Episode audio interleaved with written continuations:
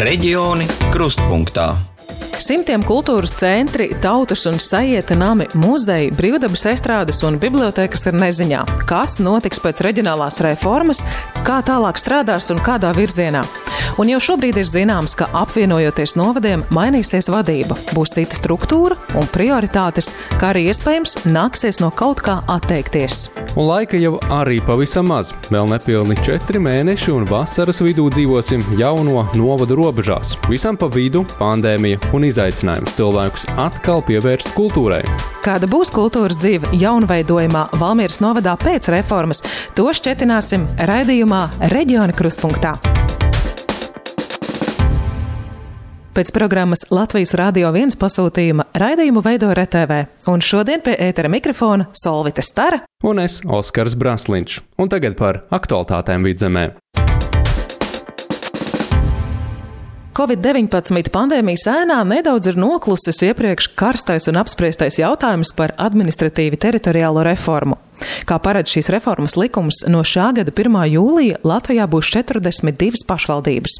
Vēl gan ir jāsagaida satversmes tiesas lēmumi, jo tas varētu mainīt pašvaldību skaitu mūsu valstī, bet ne par to šoreiz ir stāsts. Gaidāmā reforma skars arī kultūras iestādes pilsētās, pagastos un ciemos. Patiesībā grūtākais reformas uzdevums būs līdzsvars starp dažādām nozarēm - kultūru, biznesu, izglītību, arī sportu, turismu un tā tālāk. Jo visiem naudas vienkārši nepietiks. Taču sāpīgākais jautājums - kuram tiks vairāk, bet kuram mazāk? Turpmākās minūtes mēs iedziļināsimies konkrēta novada stāstā. Runa ir par Valmieras novadu. Un tas pēc reformas būs otrais lielākais Latvijā ar 27 pagastiem un 4 pilsētām. Pirms reformas gandrīz katrā pagastā ir savs kultūras centrs vai arī sajietinams, kas labi vai slikti, bet turpina darboties. Apvienojoties Valmieras lielajā novadā, būs 25 kultūras centri un nami, neieskaitot muzejus un bibliotēkas. Mēs vēlējāmies skaidrot, vai vēlme veidot lielākus novadus un centralizācija nenovedīs pie tā, ka tiks reorganizēti vai varbūt arī slēgti kultūras centri. Un te sākas jautājumi, uz kuriem patiesībā atbildi šobrīd nevar tā īsti sniegt neviens. Valmieras kultūras centra direktors Toms Upners, kura pāraudzībā būs visi 25 kultūras nami, arī šobrīd nespēja vēl pateikt, kas notiks tālāk, jo par labāko pārvaldības modeli balsos jaunā novada deputātu jaunais sasaukums, un tas notiks tikai pēc pašvaldību vēlēšanām jūnijas sākumā, praktiski mēnesi pirms reformas stāšanās spēkā. Upners pieļauj, ka tiks piedāvāti vairāki modeļi. Skaidrs, ka kultūras joma ir viena no pašvaldības funkcijām, un topošais Valmieras novads būs otrs lielākais Latvijā, tad tā kultūras telpa arī ir ir, ir ļoti liela, apjomīga un bagāta. Topošajā Valmieras novadā 25 kultūras centri un 23 dažādi brīvdabas norišu vietas, dažādas estrādes un deju laukumi. Tāpat ir deviņi pašvaldību muzeji, un no tiem trīs ir valsts akreditētie, un, un, un vēl, vēl, protams, arī 34 pašvaldību publiskās bibliotekas. Tā kā tas um, kultūras iestāžu tīkls ir, ir, ir ļoti ļoti bagāts. Nu, un, protams, tas uzdevums ir saprast, kā mēs vienā pašvaldībā kopīgi strādāsim un, un, un kā procesus organizēsim un virzīsim. Skaidrs ir tas, ka šobrīd uh, nav vēl izstrādāti konkrēti pārvaldības modeļi. Jaunveidojamā novada pašvaldības administratīvās struktūras projektu izstrādā Vidzemes augstskolas pētījuma institūta HESPI pētnieki kopā ar pašvaldību izpildu direktoru darba grupu, iesaistot arī nozaru speciālistus. Pētījuma pirmais posms ir jau noslēdzies, un tā vadītājai Agitē Līviņai radušies arī pirmie secinājumi visu jau nav jācentralizē. Ir uh, lietas, kuras tātad, kur ir labas iestrādes, kas varētu arī tikt vadīti tātad, nu, no kādas citas apdzīvotas vietas uh, centra. Tātad, uh, bet šobrīd es negribētu nosaukt kādu jomu, jo uh, tas otrais, trešais posms mums šobrīd ir uh, uzsākts. Mums bija uh, pirmā uh, tikšanās tieši par uh, šo te, uh, modeļu veidošanu ar izpildu direktoriem, kad mēs uh, piedāvājām trīs tos galvenos principus, ka veidojot modeļus ir svarīgi ņemt vērā, lai pakalpojumi ir pieejami visiem lai nepasliktinātos to pieejamību, kāds ir bijis līdz šim, bet tieši otrādi, lai tie būtu uzlabojušies un kvalitatīvi. Otrs arī tātad aspekts, šie tiesiskie aspekti, mums ir jāņem vērā ko nosaka likumdošana, ka tā ir jāievēro. Un arī tātad, kā mēs varam izmantot digitalizāciju, tehnoloģijas, un lai tas būtu arī tātad droši, un lai uh, iedzīvotājs viņus varētu saņemt uh, jebkurā vietā, ka nav tā, ka viņam tikai, piemēram, būtu ramats uh, pagastā jāgriežās pēc pakalpojumu, bet tikpat labi viņš to varētu izdarīt Rūjienā, Masalacā vai Valmierā. Tie būtu tie uh, galvenie atslēgas vārdi, veidojot jaunos struktūru. Respektīvi, arī no pētniekiem īstas skaidrības pagaidām nav. Frāzes gudras, skaistas, bet risinājums tiks piedāvāts kaut kad vēlāk. Viedokli jautājām arī Kultūras centru asociācijas vadītājai Dacei Jurkai, vienlaikus arī Masalats kultūras centra vadītājai, kuras pārstāvošā iestāde arī dzen pēc reformas iekļausies Lielajā Valmieras novadā. Labi, mēs neslēgsim to ciet tagad, šogad, bet, eh, ja mums būs jāsalāgo budžets, eh, un es arī to esmu, to es arī esmu teikusi, eh, un mēs esam par to diskutējuši, nu, ka, piemēram, novadiem pievieno tik ļoti daudz klāt mazos novadus un pagastus, tad kā tad mēs dzīvosim, tagad būs tie kredīti, un mēs jau zinām, ka kultūra nav prioritāte. Šis būs arī tas laiks, kad uh, cilvēki būs ļoti piesardzīgi Un uh, cik tas produkts mums maksās tagad? Nu, cik, piemēram, cik tagad maksās ieejas biļeti nu, uz kādu labu koncertu vai uz izrādi? Vai mēs to spēsim samaksāt? Vai mēs tik lielā novadā spēsim līdzfinansēt to, uh, teiksim, to kaut kādu starpību, ja, lai tas, uh, nu, novada iedzīvotājs, kas nedzīvo centros, nu, piemēram, viņš nedzīvo vai Maslutā, Rujienā, Valmierās, viņš centros kaut kur, vai mēs spēsim tieši tos laukus, nu, nu teiksim, piefinansēt. Jā. Tās jau visas ir zvērīgi lielas izmaksas, mēs jau to apzināmies. Arī pētnieki par gandrīz 20 tūkstošiem eiro veicot savu pētījumu ir nākuši pie līdzīga secinājuma, domājot par topošā novada lielumu un iespējamām problēmām. Un turpina Vidzemes augstskolas vadošā pētniece Agita Līviņa. Tas eh, galvenais, ko es gribētu uzsvērt, eh, to, ka eh, teritorija ir tātad liela. To veido tātad 26 pagasti, 4 pilsētas un viena valsts pilsēta. Tas ir vairāk kā 50 tūkstoši iedzīvotāju, un no tiem 45,4% tātad uh, dzīvo uh, jaunveidojumā novada centrā Valmieras pilsētā. Bet, ja mēs skatāmies kopumā, tad tas vidējais blīvums ir apmēram 18 cilvēku uz kvadrātkilometru. Jaunais novads robežojās ar Igauniju.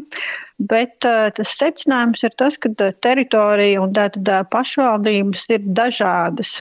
Un nevar un nevajadzētu visu arī jaunajā tātad, novadā unificēt ir lietas, kur var ļoti labi kā, nu, veikt specializāciju. Līdz ar to tātad vairāk iedziļināties vienā jautājumā, specializējoties, bet atkal ir jāņem vērā tas otrs aspekts nu, - sadarbība ar vietējiem, ar vietējo kopienu. Ir svarīgi saprast tos vietējos apstākļus un veidojot to struktūru, manuprāt, un arī savas komandas vārdā, man liekas, nu, kad ir jāsaprot, ka tā teritorija ir dažāda, atšķirīga. Bet kamēr pētnieki vēl meklē risinājumus, realitāte jāsāk apzināties tiem, kuriem šis būs tā vienkāršotā valodā sakot, jāsavāc vienā veselumā.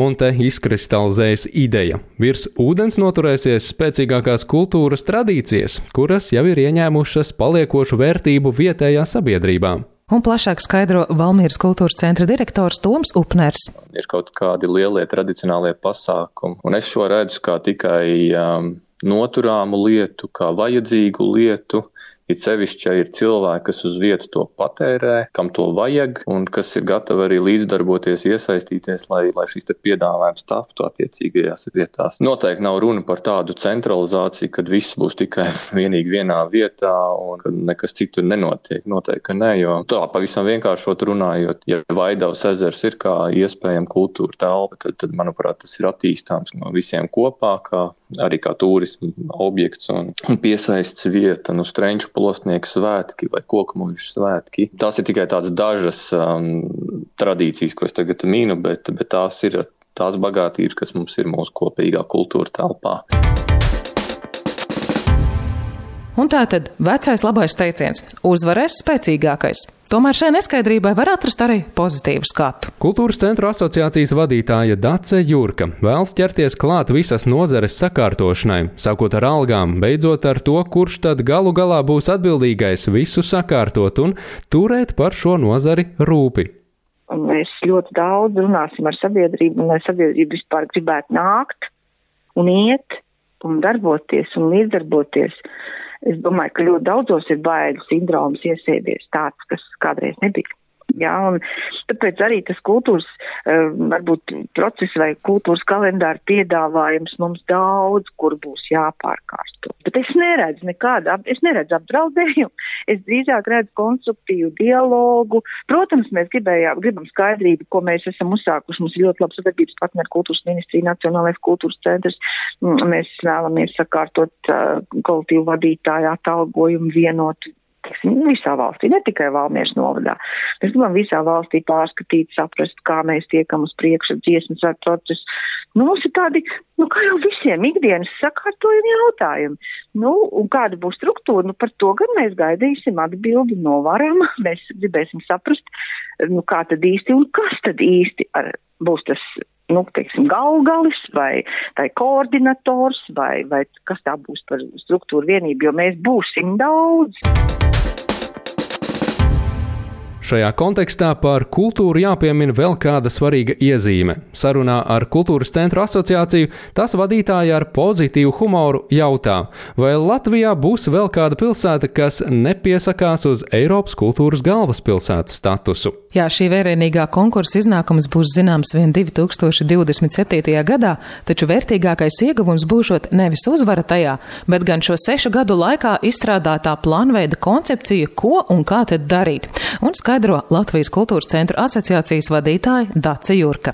Vienalga, kura pilsēta arī uzvarēs iegūst Eiropas kultūras galvaspilsētas statusu, man gribas tā cerēt, ka kolēģi būs sastrādājuši, izdiskutējuši, atraduši, eh, no jauna iepazinuši, eh, teiksim, kaut vai savu ierasto darba vidi un tie būs kaut kādi seši gadi vai septiņi, kur plānveidā, kur būs tāds plāns jau, teiksim, priekšā būs skice, kā mēs, ko mēs darām, kurā gadā, kurā vietā, jā, un ja tur tagad būs radoši sastrādāts programmas, es domāju, ka tas arī būs ieguvums, jā, un mēs jau tā kā esam jau tā kā drusku viens otrus attaustījuši jau, jā.